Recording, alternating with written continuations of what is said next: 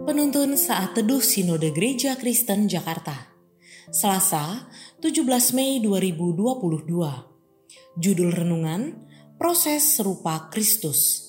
Diambil dari Nats Roma 8 ayat 28 Kita tahu sekarang bahwa Allah turut bekerja dalam segala sesuatu untuk mendatangkan kebaikan bagi mereka yang mengasihi Dia yaitu bagi mereka yang terpanggil sesuai dengan rencana Allah.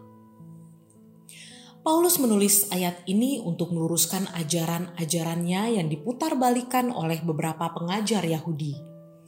Mereka menyampaikan bahwa keselamatan itu bertumpu pada perbuatan baik. Mereka juga mengajarkan bahwa kesusahan dan kesulitan itu adalah bentuk hukuman dari Allah. Paulus menyanggahnya bahwa derita dan kesulitan yang mereka alami bukanlah hukuman dari Allah, melainkan Allah izinkan hal itu terjadi untuk kebaikan mereka. Dalam hidup ini, kita banyak menghadapi berbagai tragedi.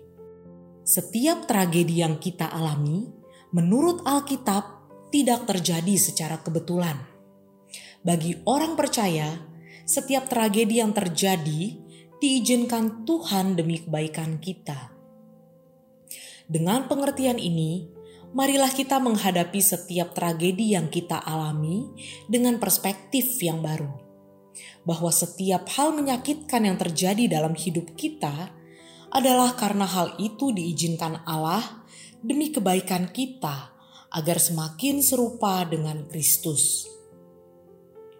Rick Warren pernah berkata, jika Bapa mengizinkan anaknya yang dikasihinya mengalami penderitaan yang sangat menyakitkan, maka ia juga akan mengizinkan kita mengalami hal serupa.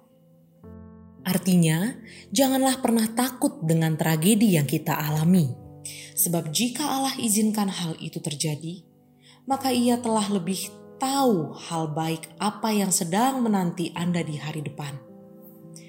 Tuhan memakai pengalaman menyakitkan kita untuk pelayanan yang lebih besar. Kiranya Tuhan memampukan kita.